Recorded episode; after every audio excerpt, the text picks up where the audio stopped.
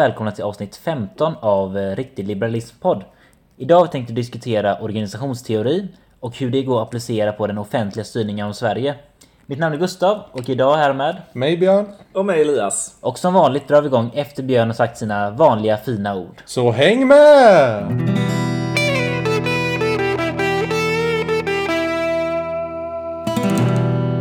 Ja, många gånger diskuterar vi vår utbildning i nationalekonomi och drar slutsatser och resonemang kring det. Men utöver det så läser vi ju även en kandidat inom management och där diskuterar vi ganska ofta hur man kan hur man kan sätta in management i en analys utav statens verksamhet. Och Elias, hur skulle du eh, vilja, om vi börjar med bara diskutera lite, vilka olika styrsätt är det som finns i, inom organisationer? Ja, då kan vi ju börja med eh, Fredrik Taylor som för 100-150 år sedan var väldigt stor inom organisationsteori och utvecklade det han kallade för scientific management.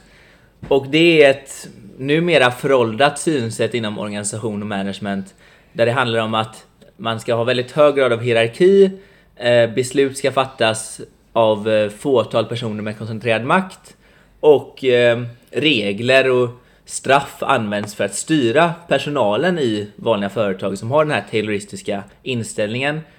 Eh, senare under 1900-talet så kom det ett, snarare ett koncept som hette HRM, Human Research Management, som var en motstånd mot tayloristiska idéer där man snarare såg människan som något organiskt. Vi kan inte maskinisera personalen utan människor behöver stimulans, de behöver trivsel och man kan inte effektivisera människor genom att bara ha massa hierarkier, regler och enkelriktade informationsflöden.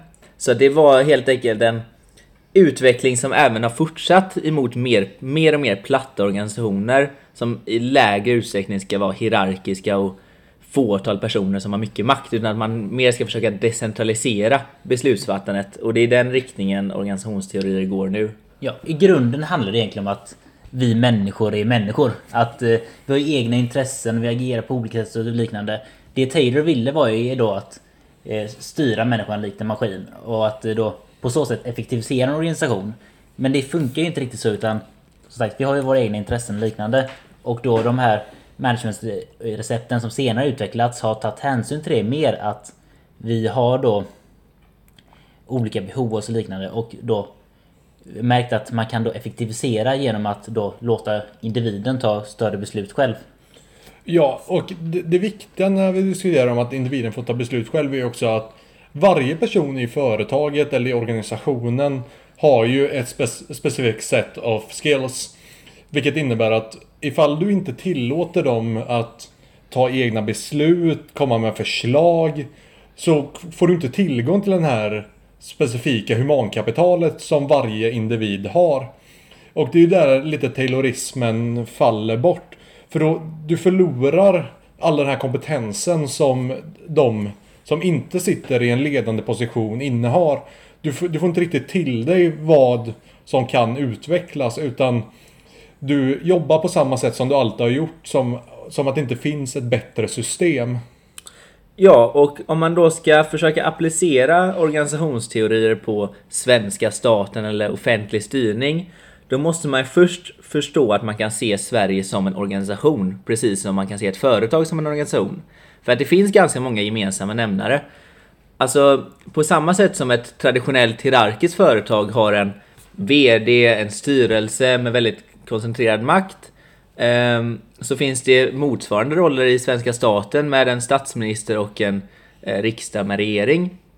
Eh, det är ett väldigt hierarkiskt uppbyggt system i Sverige där det finns tydliga hierarkier ja, då från statsministerposter, ministrar, riksdagsledamöter, myndighetschefer, kommunalråd och så vidare och så vidare.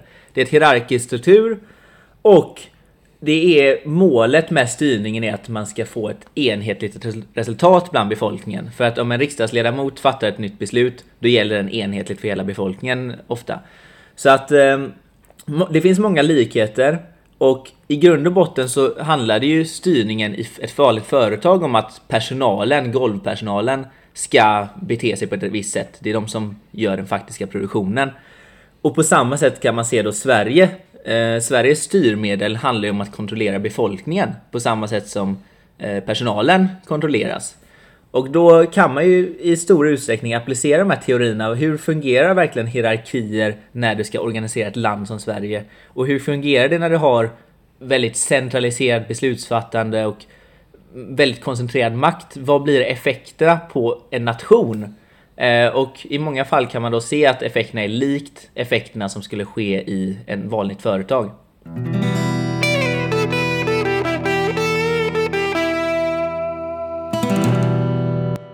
Som Elias var inne på så går det ju att se Sverige som en organisation. Ledningsgruppen kan ju ses som ministrarna. Cheferna kan ses som riksdagen. Och eh, desto längre ner i hierarkin du kommer så kommer du ner på landstingsnivå, kommunal nivå. Och inom alla de här olika delarna så har du ju även mellanchefer, precis som i vilken organisation som helst. Och det är ju de som tar besluten. Vi, vi ser ju den centraliserade makten ligger ju hos riksdagen. Där beslut som tas där påverkar alla inom nationens gränser. Medan beslut som tas på landstingsnivå, eller regionnivå som det heter nu för tiden, påverkar de som bor i regionen och kommunala beslut påverkar de som bor i kommunen. Så det är ju egentligen en, en trestegshierarki om vi bortser från allting inom. Ja, och ehm, just ehm, som vi var inne på innan så kan man ju se verkligen hur ehm, staten har fastnat lite i det här gamla tayloristiska synsättet. Många moderna organisationer går ändå i riktningen om att bli mer platta, få lite mer decentraliserade beslut. Eh, det är den riktningen organisationsforskningen eh, går i. Men som sagt då, staten är lite fast i det här gamla föråldrade synsättet när det kommer till organisationsteori. Eh, exempelvis som Björn är inne på, en väldigt en avgörande del i den tayloristiska synen är att man anser att man ska, alltså, det ska finnas en elit eller någon med maktpositioner som ska försöka hitta ett objektivt bästa sätt att göra saker och ting på. Och sen så ska man reglera så att alla människor gör det och straffa de som bryter mot det. Och det är exakt samma princip som styrningen i Sverige fungerar. Därför kan man då se de här tydliga kopplingarna till Taylors idéer. Att när ehm, eh, staten fattar ett beslut om en lagstiftning eller en reform, då är det för att de anser att okej, okay, nu har vi kommit på det bästa sättet att sköta sjukvården på till exempel, och då måste alla i Sverige göra det. Gör du inte det så får du straff. I andra företag så har man numera försökt jobba mer med att ge incitament till människor, att ge frihet under ansvar, för man har helt enkelt insett att det är ett mer effektivt sätt att styra en grupp människor på. Och i grund och botten handlar ju organisering om hur människor samverkar med varandra på ett så bra sätt som möjligt. Och det borde ju vara målet även för Sverige, att människorna som bor här ska samarbeta och jobba med varandra så mycket som möjligt. Och då ja, är helt enkelt nuvarande styrmedel föråldrade. Ja, ett exempel man bara skulle kunna ta det är exempelvis då Google som är ett av världens mest framgångsrika bolag.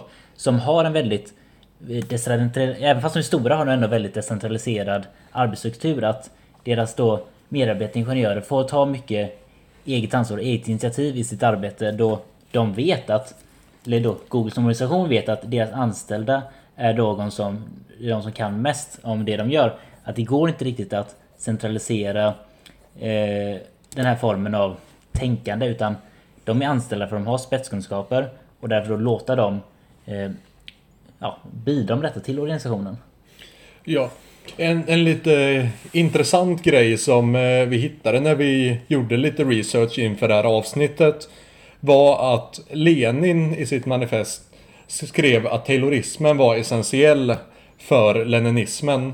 Och det visar ju bara på hur ineffektivt system det bygger på. Men om vi ska bygga vidare lite på det här med decentralisering som vi ofta har nämnt i andra avsnitt.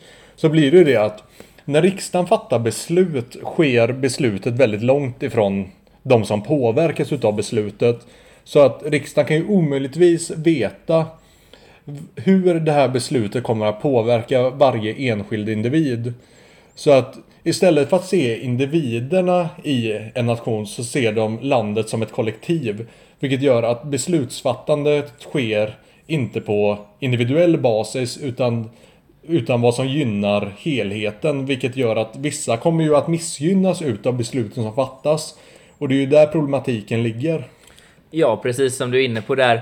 Alltså om man, om man ser mängden information och kunskap som nyttjas varje gång man ska fatta ett beslut så är det självklart mer information och mer kunskap och mer erfarenheter som bidrar till beslutsfattandet om man låter det vara decentraliserat. För då kan hela befolkningen bidra både med information om beslut och även fatta sina egna lokala beslut själva. Men om du utser en grupp med 349 personer till exempel som ska fatta beslut åt allihopa. Då, de kan omöjligt, oavsett hur smarta de är eller hur välbildade de är, så kommer de inte kunna samla in tillräckligt mycket information som hela befolkningen kan tillsammans. Därför är det helt enkelt bättre att nyttja alla människors kunskaper genom att ge dem friheten att de personerna som bor i Göteborg vet förmodligen bäst vad deras arbetsvillkor på deras jobb ska vara bättre än vad en riksdagsledamot vet. Ehm, och den principen kan man applicera på i princip alla regler. Ju längre ifrån besluten fattas, desto mindre information ja, finns att tillgå för det beslutet helt enkelt.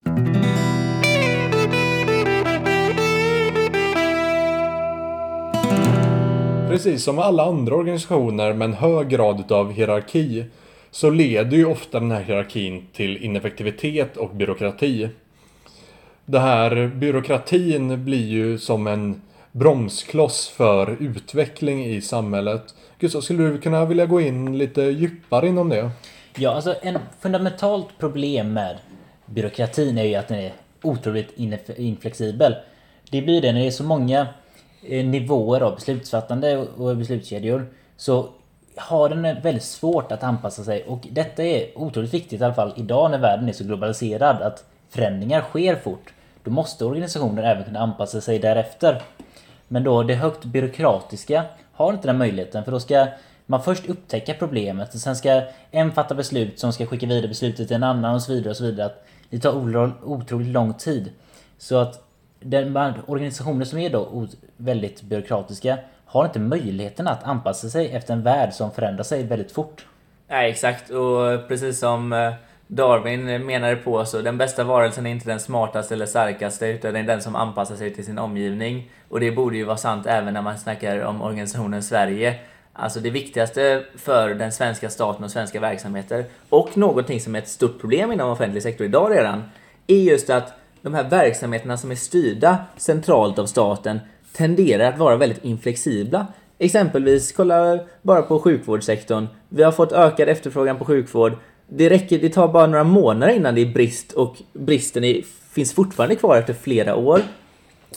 Ehm, och det finns ju såklart mängder av exempel på inflexibilitet och det är ju just Alltså ligger verkligen i centraliseringen och statens natur att vara oflexibel. Just som vi var inne på, det är lång beslutskedja.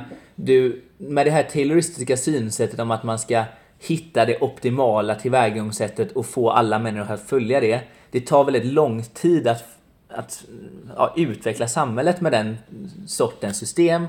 Och dessutom så, om du är en makthavare i flera år så, som har makten att bestämma över hur människor ska handla i hela Sverige då kommer ju, du var ju du är präglad av dina värderingar. Det är ju inte så konstigt att du har en prägel på det här samhället under tiden du eh, har den positionen du har som politiker.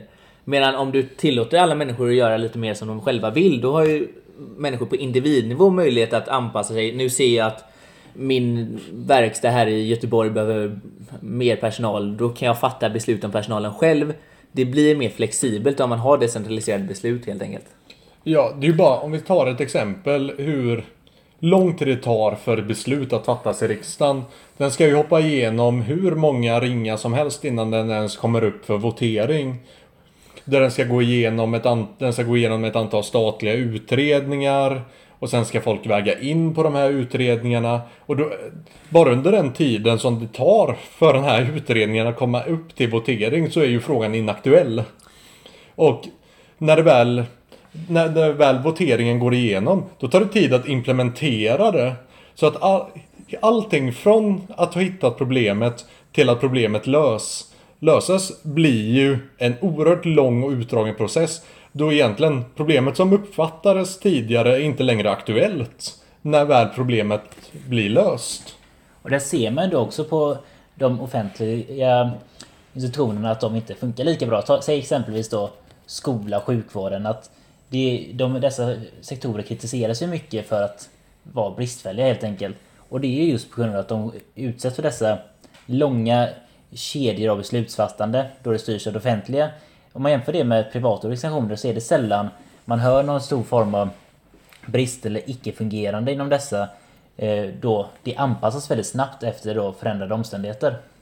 Ett praktexempel jag kom på nu när du nämnde skolan är ju Kolla bara på syslöjd och träslöjdsämnena. Finns det något mer talande exempel på hur föråldrat den offentliga styrningen är? Men sen tänkte jag också på det, det är verkligen så självklart för mig att statliga verksamheter är ineffektiva.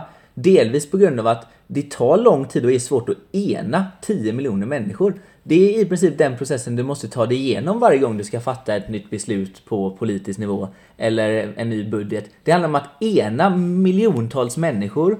Det är klart att det tar lång tid att få igenom och processa det. Men om människor hade mer i större utsträckning fått vara heterogena och välja själva vilka beslut de skulle fattas, då behöver, behöver man inte lägga så mycket tid på att ena och motivera och ja, hålla på som de gör uppe i riksdagen. Eh. En grej jag tänker på gällande det här med att du har folk som styr dig. Det, det blir ju lite att du förlorar ditt egna ledarskap över dig själv och bara faller tillbaka på och förlitar dig på att andra ska lösa dina problem. Hur tänker du om det Elias? Precis, jag har läst om det här i mina studier och det finns eh, en teori som kallas själv, som handlar om självledarskap. Och det handlar om i eh, organisationer som är platta där människor på alla nivåer, den stora majoriteten, Eh, får fatta egna beslut, resonera, tänka och göra egna bedömningar. Då utvecklar också de här människorna en, ett självförtroende och en självledarskapsförmåga att kunna resonera, fatta egna beslut, vilket förmodligen är bra för människan även på ett personligt plan. Men om man då har motsatsen, likt det vi har i offentlig styrning i Sverige, då, blir, då fattas ju beslut över huvudet på människor. Människor för, förväntas inte att resonera, tänka eller vara kritiska kring statliga reformer, utan de ska bara följa det. Och precis som de här teorierna säger då, så skapar det här eh, istället för självledare så skapar det människor som blir följare. Och det innebär att man förlorar det här självförtroendet som människan egentligen borde ha med tanke på den autonomiteten vi besitter. Så är det märkligt att eller det, det blir ju kontraproduktivt att få människor att bli följare och bara för, ställa sig i ledet snarare än att försöka få självförtroende och tänka och fatta egna beslut. Ja, alltså i grund och botten går man ju miste då om den kunskap alla människor besitter och det de kan bidra med till samhället. Ja, det jag tänker på när vi pratar om detta är ju att det är ju egentligen gynnsamt för makthavarna att befolkningen just blir följare. För om de bara följer så utökar ju de sin makt. Det är ingen som ifrågasätter det de gör och de kan bara gynna sina egna intressen utan att, utan att befolkningen egentligen ifrågasätter och sätter sig emot. Ja, så det är inte bara så att organisationen Sverige blir mer ineffektiv som grupp och som sam samverkan blir sämre i Sverige, utan även personligen så menar jag då på att eh, ja, varje individ drabbas av att få ha den här maktunderläget och den här hierarkin som vi har i Sverige. Det präglar människans självförtroende och eh, resoneringsförmåga negativt mycket tror jag.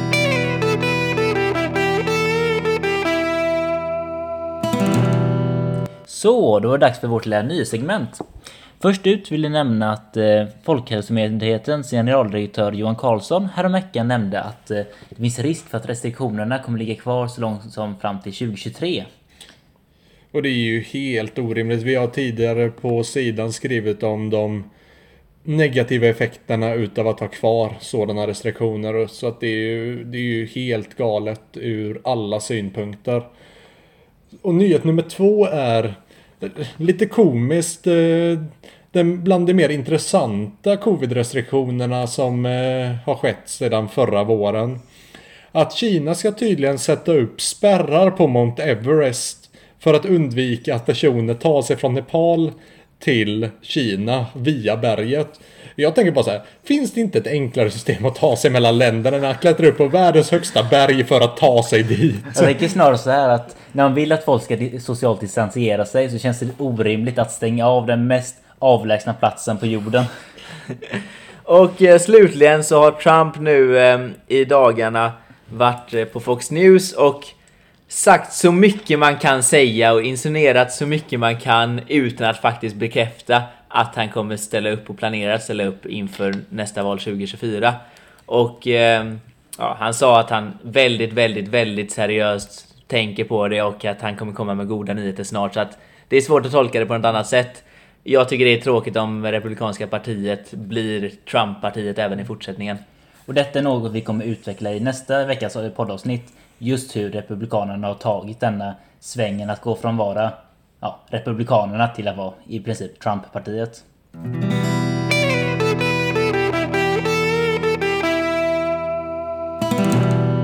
Ja, mina damer och herrar, det var avsnitt 15 gällande offentlig styrning och organisationsteori.